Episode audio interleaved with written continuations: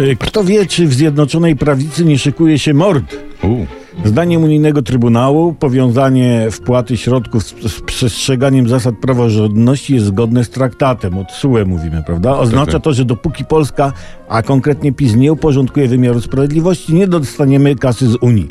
I minister Ziobro zaatakował premiera Morawieckiego, że taka decyzja unijnego Trybunału to dowód na bardzo poważny błąd polityczny, historyczny, bo premier zgodził się na wprowadzenie tego rozwiązania. No cóż, wiadomo, że że oni obaj kochają się jak lista z haczykiem.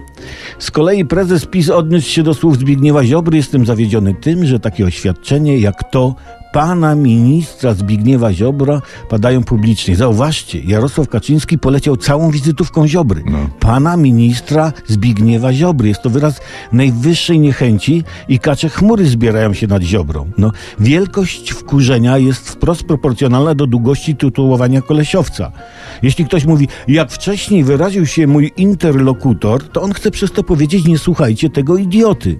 I wynika z tego, że prezes najchętniej zabiłby Ziobrę plastikową łopatko, łopatką do piasku i wydłubał mu oczy grabkami. Albo utopiłby go w ślinie nietoperza.